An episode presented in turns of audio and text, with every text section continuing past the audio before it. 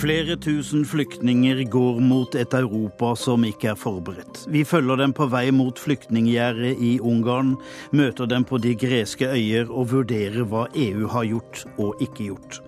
Vi skal også høre om skrekkfilmen for 25 år siden, da en filmskaper diktet opp en usannsynlig story om horder av sultne afrikanere som ville ta seg over Middelhavet.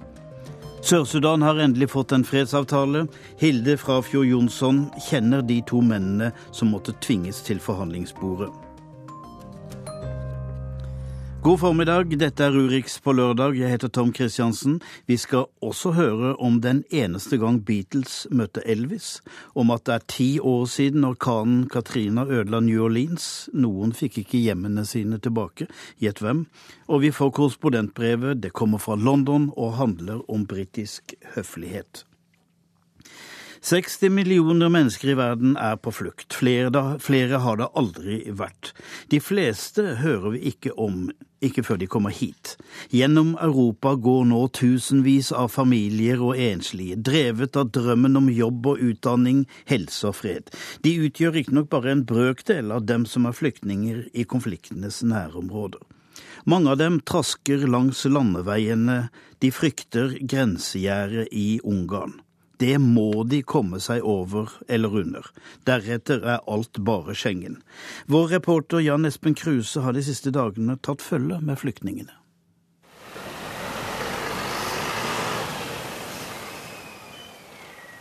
Busser kommer og går på stasjonen i den serbiske byen Subotica, nær grensa til Ungarn. På stasjonsområdet oppholder et par hundre flyktninger seg mens de venter på en mulighet til å komme seg nordover. Uh, Germany. Why Germany? Because uh, Germany is very, very uh, work, very job. Uh, Jeg vil til Tyskland, sier den 18 år gamle Ali som kommer fra Syria. Han har tatt seg fra Tyrkia til Serbia. Nå er han like ved Schengens yttergrense, som her er det samme som grensa til Ungarn. I am in my country. I, I, I love uh, study uh, engineer, electric. Den unge mannen er ferdig med videregående skole og drømmer om å studere til ingeniør i Tyskland. Men han gruer seg til å stå foran det ungarske grensegjerdet. I want uh, to uh, Holland. Why? Because there is very nice building and people. Jeg vil til Holland, sier den 33 år gamle Sara, også fra Syria. Hun håper å kunne studere kjemi og få en god jobb. Sara vet ikke riktig hva hun skal gjøre med det ungarske grensegjerdet men sier at hun bare må komme seg over det på en eller annen måte. Flyktningene her har satset så mye og vært gjennom så mange farer at de ikke kan gi seg nå.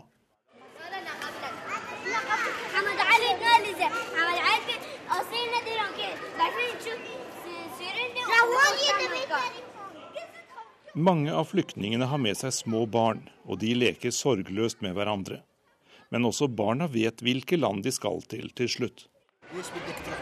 بدنا نروح هناك على المدرسة. Jeg vil til Tyskland, sier den ti år gamle jenta Nervin fra Syria. Hun vil gå på skole og utdanne seg til lege. Nervin vet ikke at Ungarn nå skal skjerpe vaktholdet langs grensa til Serbia kraftig. Jeg står nå ved det ungarske grensegjerdet, men eh, på eh, serbisk side av grensa. I gresset her kan jeg se stier. Det er tydelig at folk har gått her. Eh, det ser ut som mange har eh, ligget i, gresset og ventet på anledning til å ta seg over. Eh, her har ikke ungarske myndigheter fått satt opp det høye, flere meter høye grensegjerdet. Det er bare piggtråd Eh, som står her. Og eh, det er ikke så forferdelig vanskelig å ta seg over. Eh, det ser ikke ut til at ungarerne holder tidsskjema om å ha det doble gjerdet på plass innen mandag, for her er det store stykker som gjenstår. Og de som bor i nærheten, de forteller at flyktningene de kommer når mørket faller på, og fortsetter å ta seg over til langt utpå morgenkvisten. Eto, dešava se ovde, pošto sam ja ovde imam svoj voćnjak, znači ovo blizinu i kad prolazim ovde se kolima uvek vidim da dolaze ovde mnogo ljudi tih Her borte ser du hovedstien som flyktningene følger, sier bonden Stefan Beslic. Han forteller at de vet nøyaktig hvor de skal gå, og at de har GPS-navigering på telefonene sine. Mye tyder også på at noen har betalte hjelpere som guider dem over grensa.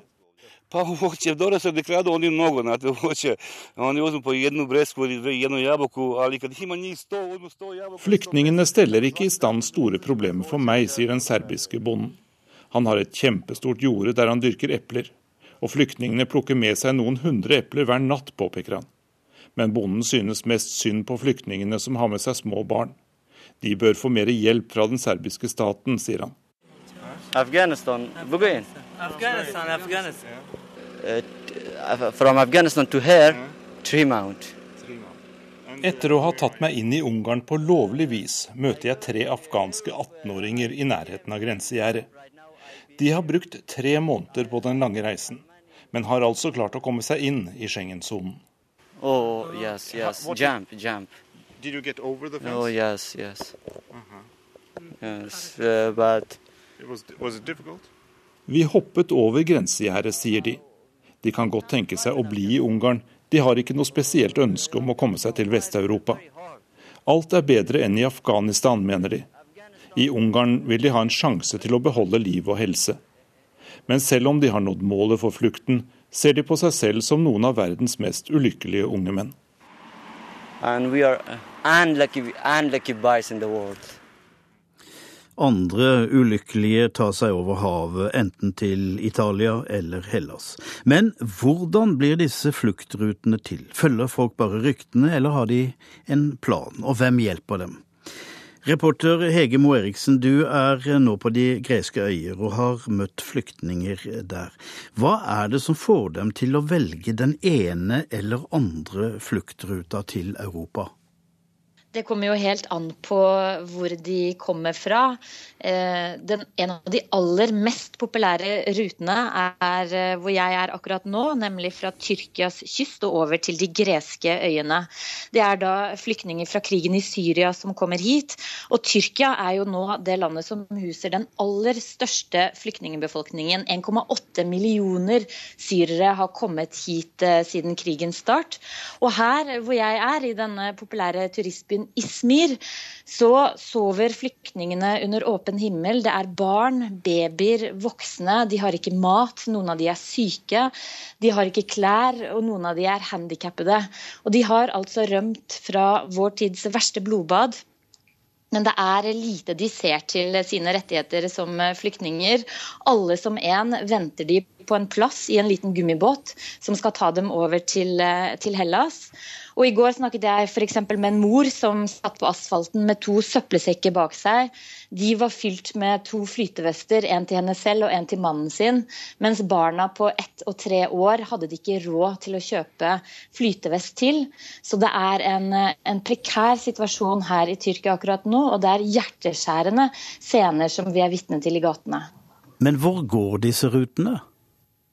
Du har forskjellige ruter. En rute går fra Afrika sør for Sahara, hvor folk kommer fra land som Gambia, Senegal, og hvor Libya er den store utfartsåren, hvor de da tar seg over Middelhavet til, til Italia eller til Hellas. Så har du den andre ruta, som går hovedsakelig fra Syria, men også fra Irak, hvor vi ser en økning i antall flyktninger som kommer, og Afghanistan. Og den ruta går inn via Tyrkia, som er blitt den nye, store, populære ruta nettopp fordi Tyrkia er så nære de greske øyene og litt mindre farlig for flyktningene.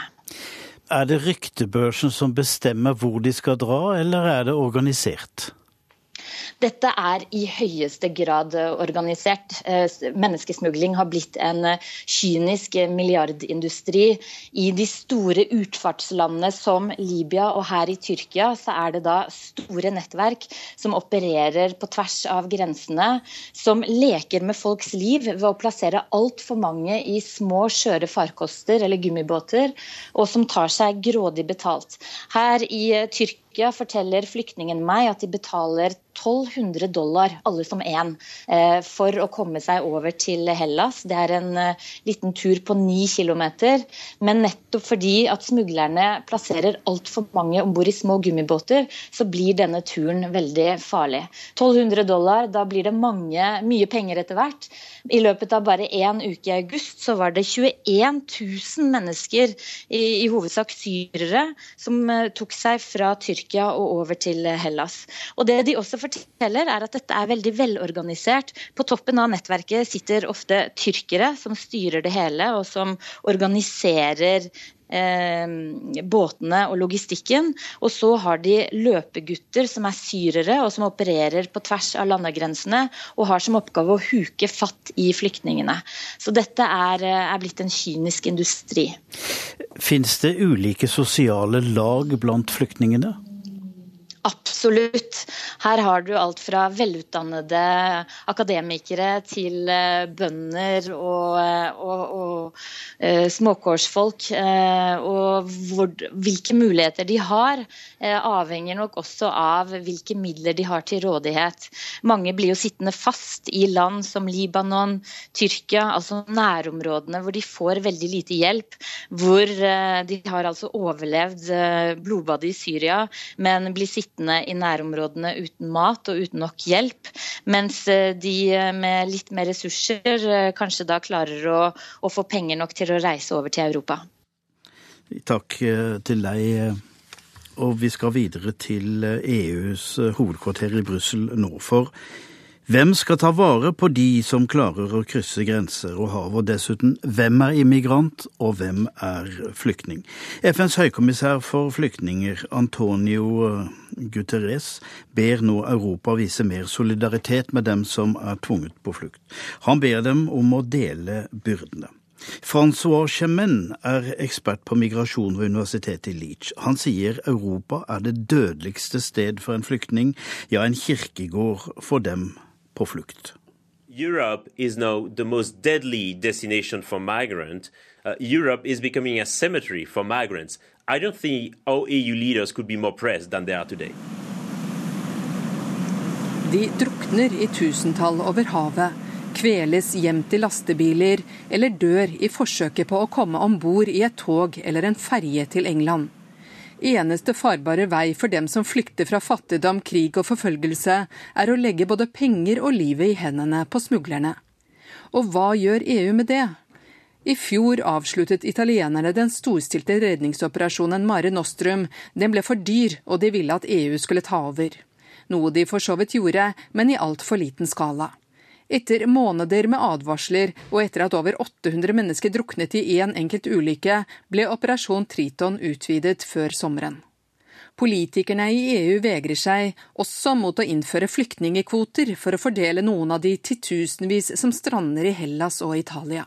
Men noe er EU blitt enige om. Tre år etter at de fikk Nobels fredspris for forbrødring av folkene, sa de ja til å bruke militærmakt. Det mener ekspert på migrasjon ved universitetet i Liège, Francois Chemin, er lite heroisk. I think the military response is really the response of the weak. Instead of a political project, you bring up the military to secure the border. Den militære reaksjonen er et symptom på svakhet, mener han every time that the Commission makes a proposal, like the quota proposal made by Jean Claude Juncker a few weeks ago, they shy away, refuse, and discuss the proposal for weeks. Uh, and at the end of the day, it is a bit sad that the Commission has to impose solidarity amongst EU member states, whereas this solidarity should spring up naturally. Krig og uro i Syria og Irak driver flyktninger mot Europa. Også fra Afrikas Horn kommer de i tusentall for å søke trygghet eller økonomisk frihet. Greske politikere sier de drukner i asylsøknader, men de fleste driver videre. Tyskland alene regner med å ta imot 800 000 flyktninger og migranter bare i år. Bare i juli søkte nesten 40 000 om asyl der, en dobling fra året før. Tysklands innenriksminister Thomas de Maizier sier de er nødt til å håndtere det som blir den største tilstrømningen i landets etterkrigshistorie. Motstykket er land som Ungarn, som bygger gjerder, eller Storbritannia. Statsminister David Cameron har omtalt dem som svermer, og har satt inn kruttet med økt grenseovervåking og kommandosenter i den franske havnebyen Calais. Britene har da også tatt imot fattige 9000 av de over 400 000 asylsøknadene som EU har fått på bordet bare det første halvåret i år, ifølge Eurostat. I would say the key difference is just political courage, wisdom. Angela Merkel. Angela Merkel har motet til å stå opp for det hun mener er et ansvar de må ta. Hun har inntatt rollen som statskvinne, mener Shemen. Responsibility for Europe and for Germany. She's clearly assuming a real posture of state woman in this crisis. Others are just politicians, I'm afraid. Andre er bare politikere, jeg er redd, sier han. And I think we see a very clear divide in Europe between the countries that are ready to step up to their responsibilities and consider that this is a real test, a crisis not for the migrants, but for the EU itself, for the ideal and the project of the European Union, and countries that are just trying to do as little as they can. And I hope that at least the crisis uh, will show that countries taking up their responsibilities will prevail. Han håper at de som tar tak i flyktningkrisen, kommer seirende ut. Sa Åse Marit Befring, vår eh, europakorrespondent. Hvordan kunne denne flyktningstrømmen komme som en overraskelse for Europa? For 25 år siden lagde BBC en film, The March, som på nærmest profetisk vis forutså det som nå skjer. Marsjen var et felles europeisk prosjekt, en skrekkvisjon av hva som kunne komme til å skje dersom og det var plottet, dersom tusenvis av fattige afrikanere dro nordover mot Europa. Vår reporter Joar Hoel Larsen var med på denne TV-satsingen for 25 år siden. The rains have failed for four of the last five years. The land has died under them. Der Hilfe gibt Ihnen Ihr Land auch nicht zurück. Certo che serve di più. Serve sempre molto di più. Vi hører lydkutt fra en tenkt EU-debatt i 1990. Politikerne strides, de har forskjellige ideologiske utgangspunkt og ulike motiver samt nasjonale hensyn å ta. Den gang som nå. Temaet er marsjen. Én million afrikanere eller så er i ferd med å dø av sult, og deres leder, en syrlig og arrogant Isa El Madi, vil føre dem til Europa, slik at verden kan få se at de dør. We live invisible lives. We die invisible deaths. If we must die, yes. I want you to watch. Hans motpart i filmen er den irske EU-kommisjonæren for utvikling, Claire Fitzgerald. En kynisk karrierediplomat som er misfornøyd med sin posisjon som EU-ansvarlig for verdenselendighet. I didn't go into politics to bear the white man's burden. He can carry it for himself. Still, know your customers, they say.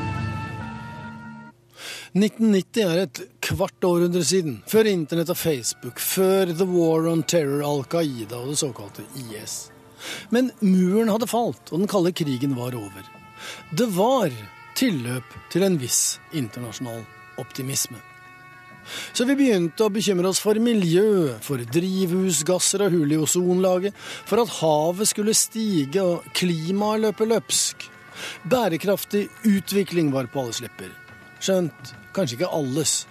Så TV-selskapene begynte å lage informative programmer om vår levestandard og konsekvensene for naturen og klimaet, for oss og ikke minst for de såkalt andre. Et av BBCs bidrag var denne filmen The March. I work for the European community. I'm the Commissioner for Development. I've come here to find out what we can do to help. You could come and live here. I could go and live in your house. You can do nothing. We are poor because God made us this way. Nothing can be done about it. You may go home. Det den gang tenkte scenarioet tok utgangspunkt i et miljøproblem. Avlingen hadde slått feil. Igjen. Og omverdenen brydde seg ikke. Da heller. I filmen får vi vite at det koster 50 dollar å holde liv i én nødlidende i året. 50 dollars a head. That's per year, of course. Mens hovedpersonen El Madi har hørt at vi i Europa bruker 200 dollar i året på kattene våre. Han er provosert og velger en sarkastisk og spydig tilnærming. Bruk oss som kjæledyr, sier han. Afrikanere kan mjaue og male, og vi er billigere. Let us come to Europe as your pets. We can drink milk. We can lie by the fire. We can lick your hand. And we're much cheaper to feed. EU-kommisjonæren sier det er ikke så enkelt. Bistandsmidler og korrupsjon, egeninnsats og samarbeid. Problemet, sett fra Brussel, er komplekst og sammensatt. I'm sorry, but I don't agree. Situation isn't that simple. We spend a lot of money on aid to Africa, but most of it never reaches the people who need it.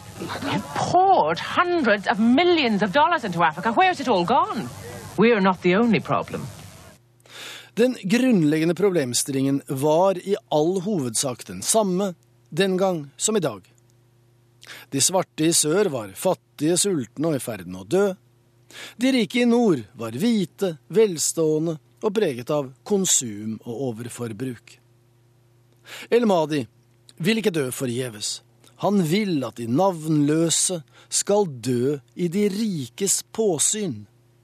Han er karismatisk, og jordens fordømte slutter opp om ham. De begynner å gå, marsjere mot Europa. Da fatter vestlige medier også interesse for denne Afrikas Gandhi. If you will not help us, there is nothing more we can do. We will die, and you will watch us die. De går til fots på støvete tråkk. Det er ørken, tørt og steinete, ugjestmildt og goldt, men vakkert på sin måte.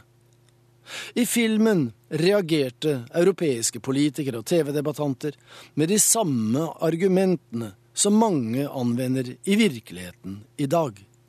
Well, what I want to say is, I feel sorry for them, but they've got their own countries, and that's where they should be, not coming over here. I think we should help them, but that doesn't mean they should all come and live here. The planet hasn't got the resources for it. Afrikanerne kommer seg til Middelhavet. De krysser i småbåter og kommer seg i land i Spania, der de blir stanset av væpnede soldater. Sluttpoenget lar vi ligge. Men når man ser den 25 år gamle filmen i dag, sitter man igjen med et inntrykk av at lite eller ingenting har forandret seg på et kvart århundre. Dagens TV-bilder får et ubehagelig preg av déjà vu etter et gjensyn med The March.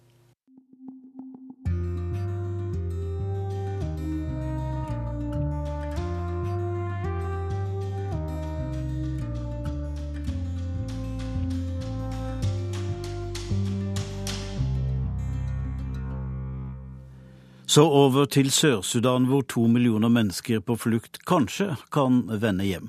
For denne uka undertegnet president Salva Kiir motvillig en fredsavtale. Han og opprørsleder Riek Mashar skal lede landet i en overgangsperiode, og det er striden mellom disse to menn som har drevet landet ut i snart to års borgerkrig.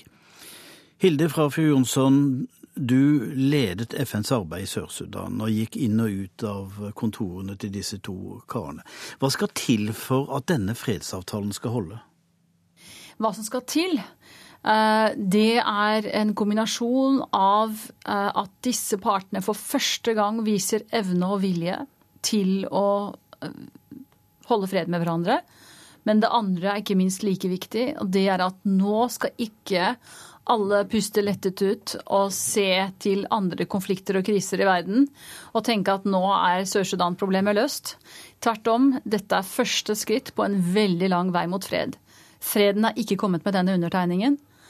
Nå har vi et rammeverk for fred.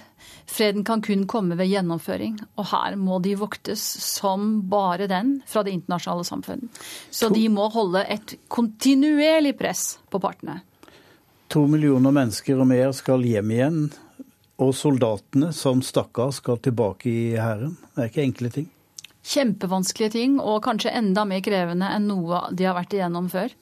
Eh, og det ikke minst å bidra til at eh, to hærer, eller to eh, det er vel ikke her vi snakker om egentlig, på verken den ene eller den andre siden, men SPLA, altså regjeringshæren i gåseøyne, og da opposisjonsstyrkene, skal gjennom en prosess hvor de skal både integreres, men også demobiliseres. Og det er en utrolig krevende prosess med masse risiko, i, i, i seg.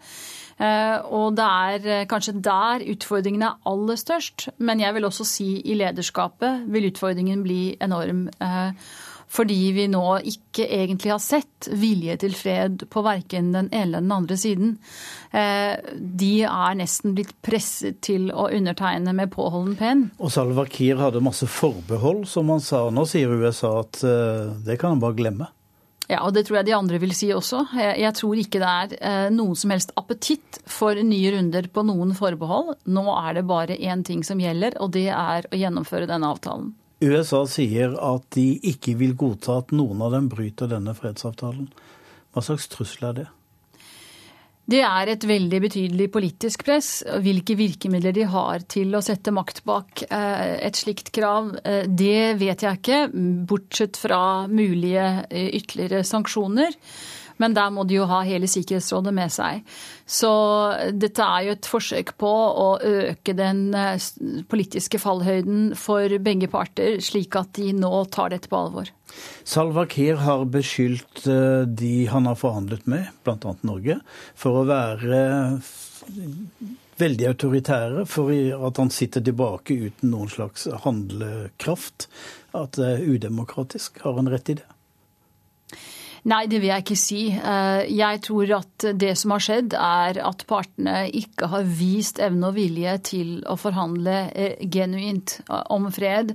Da har de viktigste aktørene i det internasjonale samfunn, og det er USA og Norge blant dem, de har på en måte sagt at nok er nok nå må dere eh, bare ta det eh, som blir fremforhandlet.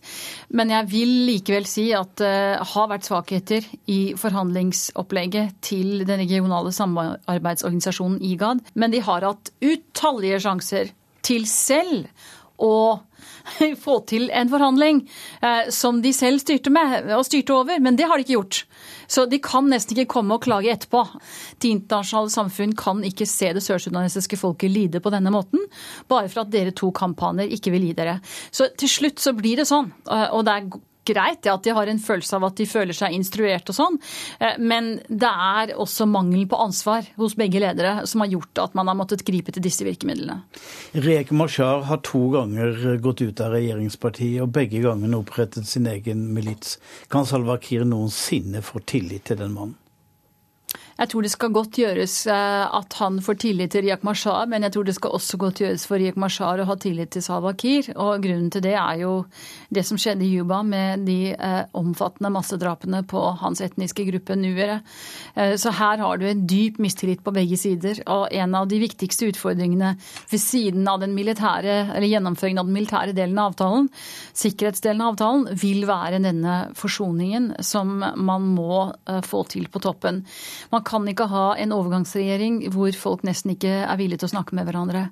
En er nødt til eh, å ha en prosess der eh, de viktigste lederne her eh, må gjennom en rotbløyte, for å si det på godt norsk, for å kunne fungere som en regjering. Hva er det som holder dette landet sammen? Ja, er det i det hele tatt et land? Det er et land i den forstand at det er eh, anerkjent internasjonalt som et land, men det er ikke en nasjon. Og det er også et spørsmål hvor sterk staten egentlig er. Eh, I og med at dette er verdens yngste land. Og dette tar selvfølgelig veldig lang tid. I Norge tok det over 100 år eh, å få bygget en ordentlig nasjon. Så vi må ha respekt for at dette tar tid. Men de har altså ødelagt veldig mye i mellomtiden og satt denne prosessen mange tiår tilbake. Etter sammenbruddet i 2013 gikk regjeringstro eh, demonstranter rundt i gatene i Juba med en plakat med bilde av deg hvor du holder en pistol, og de spør uh, Why is Hilde killing our people? Hva var det som gikk gærent mellom deg og Salva Kiir? Jeg vet ikke om det var så mye mellom meg og Salva Kiir som eh, to forhold. Det ene var at uh, når man eh, er i en situasjon hvor en konflikt eh, utspiller seg som det den gjorde, så var det nok en forventning blant eh, ledelsen i, i, i ledelsen i Sør-Sudan og SPLM at jeg ville ta deres side det var ikke nok kunnskap om hvilken rolle FN faktisk har. FN skal være nøytral. Og det andre var jo, tror jeg, da, at vi tok denne beslutningen om å åpne eh, våre baser for mennesker som flyktet fra overgrep, drap, massedrap, faktisk. Og det ble sett på som at vi beskyttet rebellene, eller de som gjorde opprør. Men det at de ville gå til det skrittet og, og lage sånne Photoshop-plakater av meg, viste jo på en måte nivået her. Pinlig, syns jeg. Og det eneste vi kunne gjøre, var å le. Men det er klart, på et tidspunkt ble det også ganske farlig. Salva Kiir har de to siste åra framstått veldig autoritær og voldelig, vil også mange si. Er det slik du kjente ham? Nei, det er ikke slik jeg kjente ham, og jeg tror nok det er mange som er overrasket over den siste tids utvikling. Her har det vært overgrep som har vært så bestialske at en ikke har sett lignende i sørsjønesisk historie.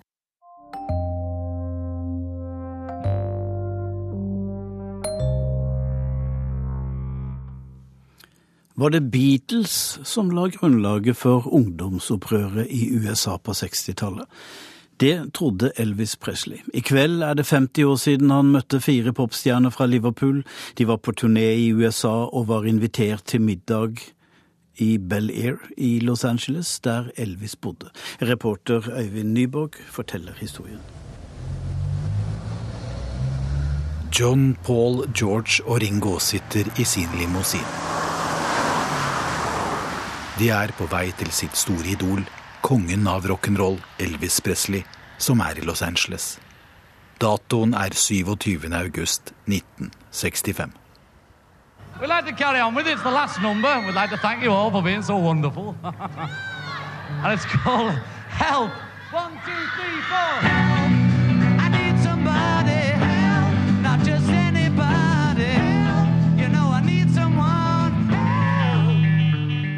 Beatles er nummer én på plate og på film med Help. Elvis spiller inn en av sine mange filmer, Paradise Hawaiian Style, der han er helten blant de innfødte og håpløse turister. Is this any way to run an airline? It's Elvis, Hawaiian style, running wild, as a copter flyboy with more co-pilots than he can handle. All right, girls. Follow me inside and I'll check out your qualifications. Møtet i Bel Air skulle egentlig være hemmelig. Men i porten til Elvis ble de fire fra Liverpool møtt av hylende fans. Men vel innenfor døren tør ikke The Beatles si noen ting. Det oppstår en lang, pinlig taushet før Elvis sier Hvis dere gutta bare skal se på meg uten å si noe, så går jeg og legger meg. På stereoen hadde Elvis satt på Charlie Rich. Kanskje en pekepinn på den veien Elvis skulle gå musikalsk senere.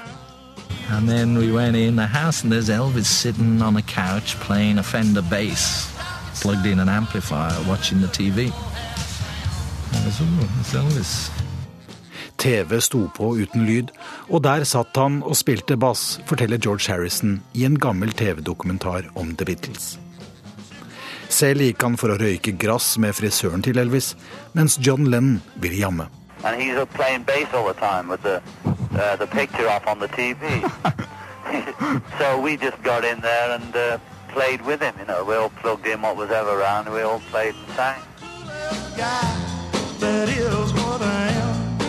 It was the king, wasn't it? It was Elvis. This is Mr. Hips, you know. Hip swiveling man. Det ble et møte mellom det forrige århundres største fenomener, men også et politisk og kulturelt skjæringspunkt som preget 60- og 70-tallet. The Beatles spiller inn Rubber Soul-skiva og blir mer hippie.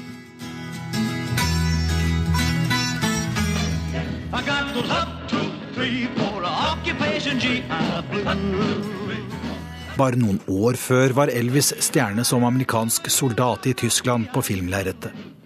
Elvis var patriot og forsto ikke hvorfor hippiene tok over med sin anti-Vietnamkrig-protester.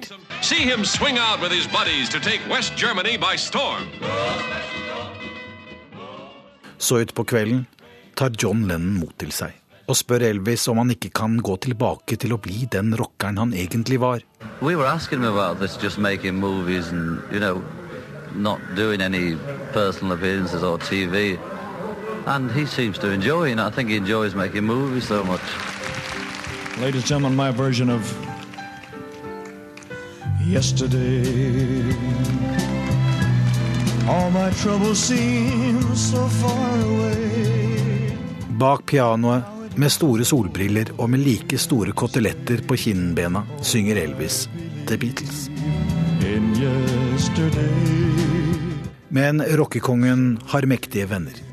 Tre dager etter sitt møte med president Richard Nixon i 1970 blir han invitert på rundtur i FBIs hovedkvarter. Her skal han ha sagt at The Beatles la grunnlaget for alle ungdomsproblemene i USA på 60-tallet. Ringo Starr syns det er trist at Elvis følte seg så truet av The Beatles. It's, uh, that's very sad to me that he, he felt so threatened, you know, that he thought, like a lot of people, that we were bad for the American youth. The Beatles skal til å gå hjem, og inviterer Elvis hjem til seg. Men det ble aldri noen flere møter mellom Elvis Presley og alle gutta i The Beatles. and it just sort of faded out. You know, it's you couldn't get close. You know, it's not like we could have become good friends. It was impossible. We weren't buddies or anything, you know. But it was really nice. It was really. He was a nice guy. He was very. He was very slim, and you know, he was great. It was really good. I'm glad I met him.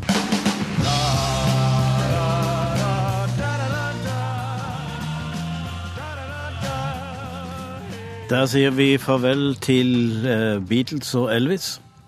Men vi oppholder oss i USA, for eh, i dag er det ti år siden orkanen Katrina oversvømmet New Orleans og tok livet av 1800 mennesker i området. Byen begynner å finne rytmen, men ikke for alle. I fattigområdet Lower Ninth Ward har bare én av tre kunnet flytte tilbake. Og hvorfor? You think it's because we're black? You tell me. It's because we're black. Errol Joseph senior sitter på trappen utenfor huset sitt i den fattige bydelen Lower Ninth Ward i New Orleans. Det er ti år siden huset hans og hele området sto under vann. Men fortsatt er sporene etter Katrinas herjinger tydelige i denne svarte bydelen. Joseph mener et tregt og lite effektivt byråkrati må ta på seg skylden for bare 34% av den som bodde her i nabolaget før den skjebnesvangre augustdagen for ti år siden, har kunnet flytte tilbake. Men 64-åringen selv har aldri mistet håpet eller troen. I've lost my health, my strength. I'm not going to say I lost my mind because I haven't. The only thing I have is faith. People desperately waving flags for help. Ugh, gosh. Nothing we can do to help these people other than notify the Coast Guard and the rescue personnel of their En amerikansk journalist flyr over New Orleans og ser folk desperat veive med hvite flagg og skilt der de ber om å bli reddet fra vannmassene. De eneste som kommer, er naboer. We are seeing scenes like this one throughout the city. This is a family that's stuck on a balcony here. An elderly, elderly gentleman and what appears to be his family. Tusenvis av mennesker samlet seg på den gigantiske sportsarenaen Superdome og i Ernst Morial Convention Center. Der var også den amerikanske radiokanalen NPR sin reporter. There are um, 2,000 people living like animals inside the city convention center and around it. They've been there since uh, the hurricane. There's no food. There's absolutely no water. There's no medical treatment. There's no police and no security. And there are two dead bodies lying on the ground and in a wheelchair. Men reporteren tok feil. Det var ikke 2000 mennesker, men 25 000 som hadde trengt seg sammen, uten mat, vann og medisiner, men støde kropper ble liggende på gulvet i messehallen. I dagevis samlet folk seg her med et desperat håp om å bli evakuert. not about low income. It's not about rich people, poor people. It's about people. Nobody wants to hurt anybody in this city. Nobody wants to hurt these people who have these businesses. Kaoset ble etter hvert et symbol på myndighetenes utilstrekkelighet. Obviously, as you can see, the only homes that survived were brick. Sandy Rosenthal viser turister områdene som nå er gjenoppbygget. Og hun mener det er viktig å fortelle at det ikke var vinden eller vannet som var hovedskylden for de enorme ødeleggelsene. Uh, the survivors deserve for everyone to know that we were flooded because of civil engineering failure, not due to just Mother Nature. Amerikanske myndigheter fikk mye kritikk i etterkant, både for deres håndtering av katastrofen, men også for at lokale myndigheter hadde forsøkt å spare noen millioner av dollar på å ikke forankre demningene rundt elvene godt nok før Katrina traff land. Det ble en kostbar affære. Well, in, in the case of these levies, the Army Corps of Engineers was looking for ways to save money. And so, at a savings of $100 million, they determined they only needed to drive sheet piling down into the levees 17 feet instead of 50. And during Katrina, these walls fell over on both sides. Totalt mistet 1800 mennesker livet i fire stater, og uværet ødela for 150 milliarder dollar. Eller over 1200 milliarder norske kroner. Tilbake i Lower Ninth Ward jobber Errol Joseph fortsatt på huset sitt. Men det vil bli en stund til han kan kalle det et hjem. Ti år etter. H-O-M-E. It's a difference between home and house. Everybody say they're building a home. You can't build a home. You have to create a home with your family. Reporter Christian Aanensen.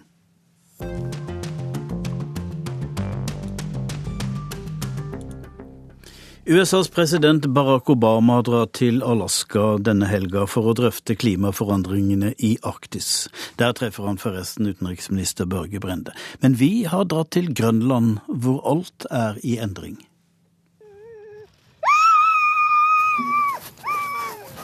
Vi er på vei opp en åsside på Diskoøya på vestkysten av Grønland. Nami. Jens Møller, en kraftig kar i slutten av 40-åra, kjører hundespannet opp bakken. Hundene har alltid vært en viktig del av hans liv. Jeg kan ikke leve uten hunder. De er både min hobby, sport, kultur og øh, identitet i det. Det betyr mye for meg. Grenlenderne har brukt hundespann til fangst, fiske og transport i mange tusen år. Men klimaendringene er i ferd med å endre Grønland. Siden 90'erne øh, begynte være, at øh, ændre sig. Vintrene det bliver øh, ikke så kolde mere, og havisen øh, den bliver tyndere, og der var ikke længere fast is i Diskobukten. Han forteller at de ikke lenger kan kjøre hundespann over isen til stedene på den andre siden av fjorden, slik de kunne tidligere. Deler av den tradisjonelle kulturen er i ferd med å forsvinne. Det moderne samfunnet med motorbåter og scootere er én del av forklaringa. Den andre er et varmere klima.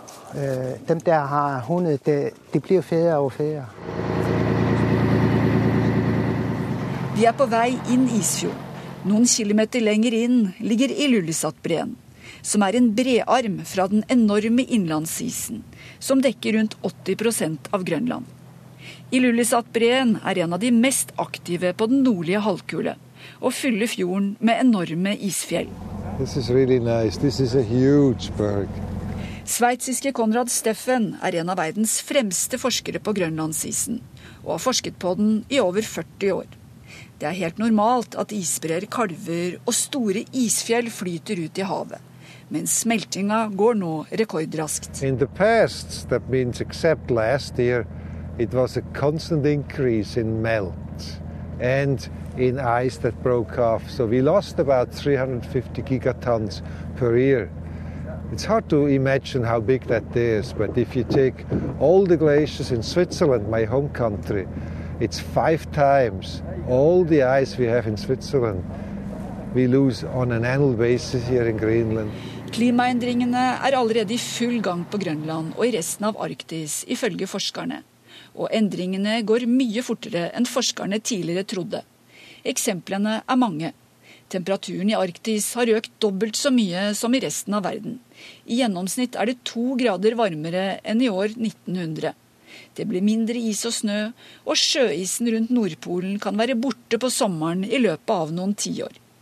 Forskerne mener Grønland er som et barometer for hva som vil skje andre steder på kloden, hvis vi ikke klarer å begrense klimautslippene og temperaturen fortsetter å øke. In polar regions, we know that from the models, we know that from our measurements, we'll respond first in a climate warming.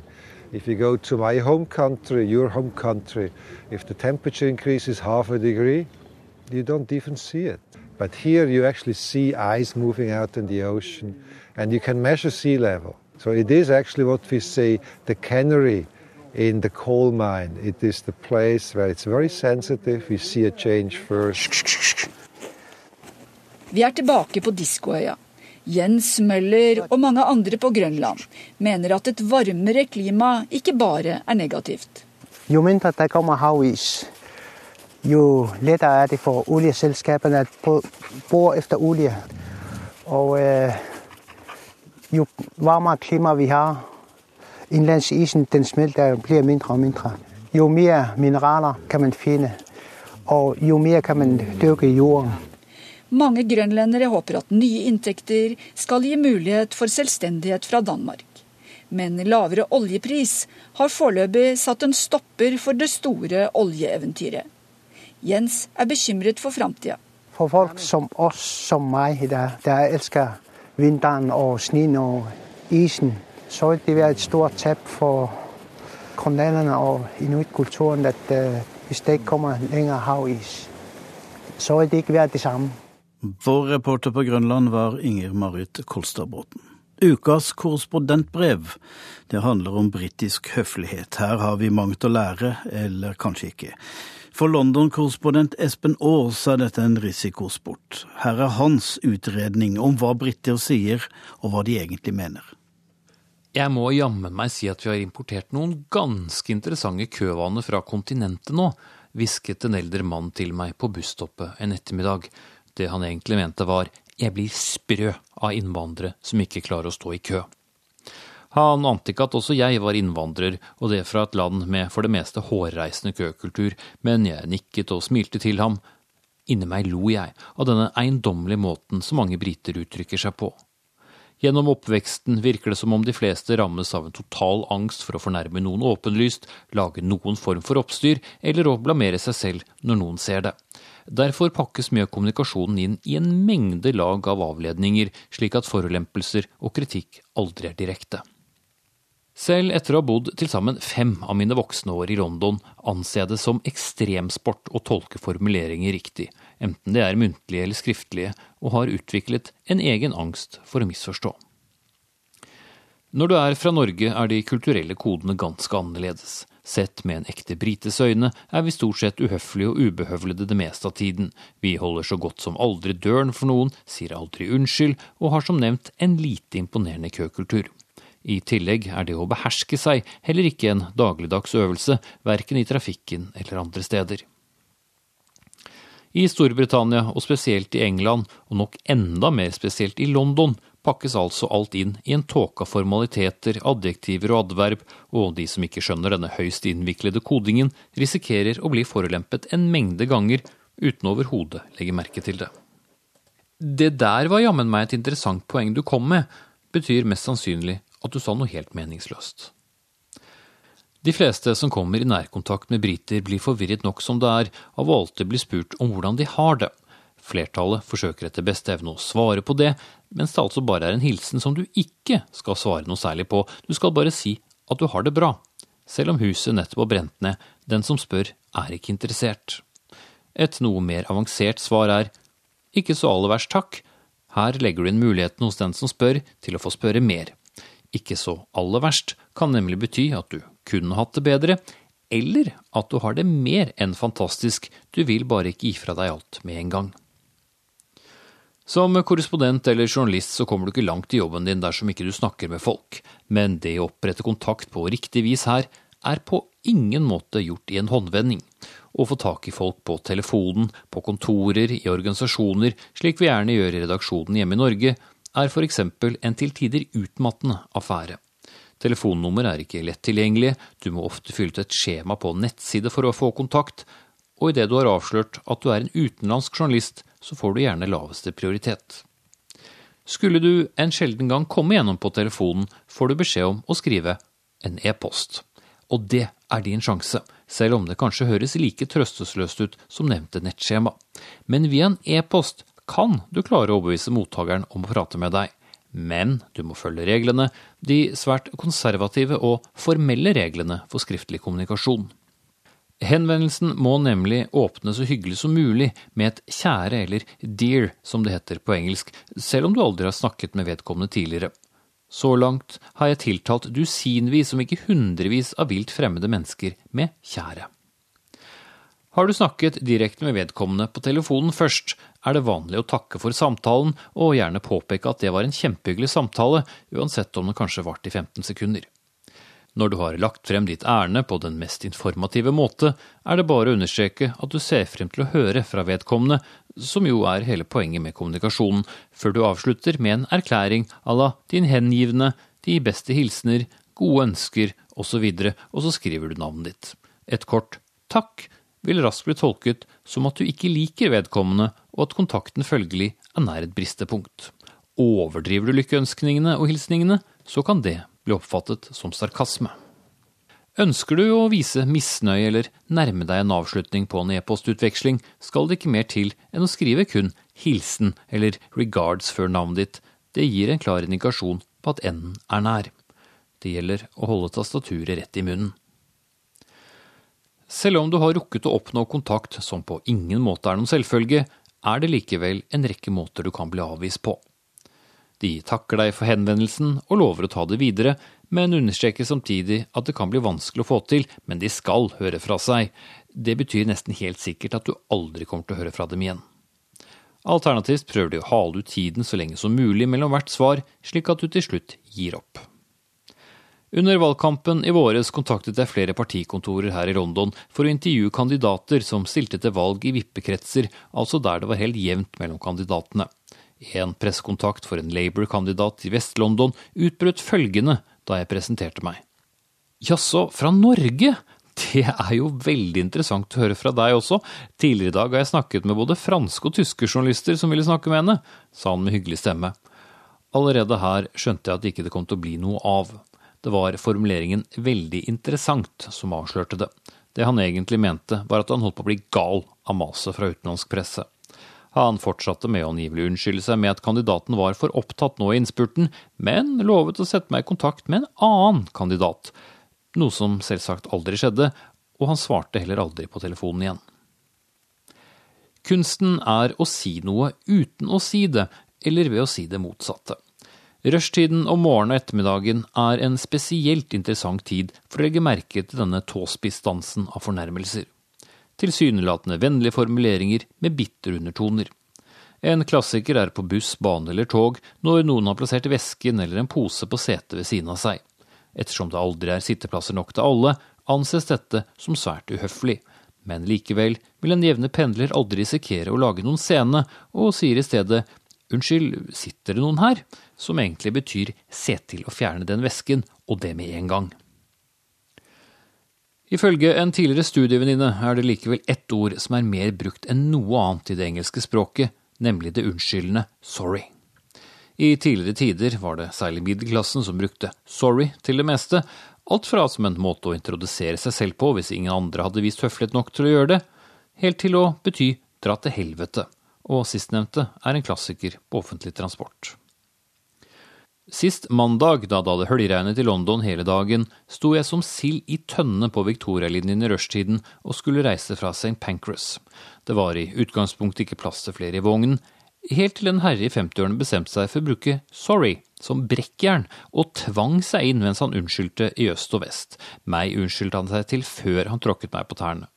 En stasjon senere, på Russell Square, brøytet han seg ut igjen med det samme sorry, mens alle andre passasjerer responderte med nesten uhørlige kremt, eller de mer dristige hevet på øyenbrynene. Ingen sa noe, for ingen ville lage en scene. I mange tilfeller kommer sorry før noe som helst har inntruffet, men noen liker å være føre var. I atter andre tilfeller kan det være svaret på noe som var blitt oppfattet som udannet, da gjerne uttalt med litt spiss. Det har i alle år blitt hevdet, helt uriktig, at eskimoer har et sted mellom 50 og 100 000 ord for snø. Jeg vil for egen del hevde at britene må minst like mange betydninger av det ene ordet sorry. Med tiden er det dedikert utallige nettsider og også bøker for å introdusere folk til hemmeligheten bak alle frasene og formuleringene som britene bruker, og det er hysterisk lesning. Ikke bare fordi det er morsomt, men fordi det er sant. Som at når en brite inviterer deg til å ta en kaffe en gang, eller en øl, eller til og med en middag, så er det stor fare for at han egentlig mener at dere aldri skal ses igjen. Eller at formuleringen 'det kunne vært verre' gjerne betyr at det ikke kunne vært verre, osv. Med tiden har jeg knekt noen av kodene, men vel så ofte tror jeg at jeg har gjort det. Derfor sjekker jeg alltid med innfødte venner og bekjente om det er slik, og ofte så er det ikke det. Du må også legge merke til kroppsspråket, øynene og også øyenbrynene deres når tingene blir sagt. Jeg avslutter dette korrespondentbrevet med å si at det hele er fascinerende. Tolk det som du vil, bare ikke lag noe oppstyr, da. Og der setter Urix på lørdag strekk. De som fikk denne sendinga på lufta, var Stein Nybakk, Kari Bekken Larsen og meg selv, Tom Kristiansen. God ettermiddag.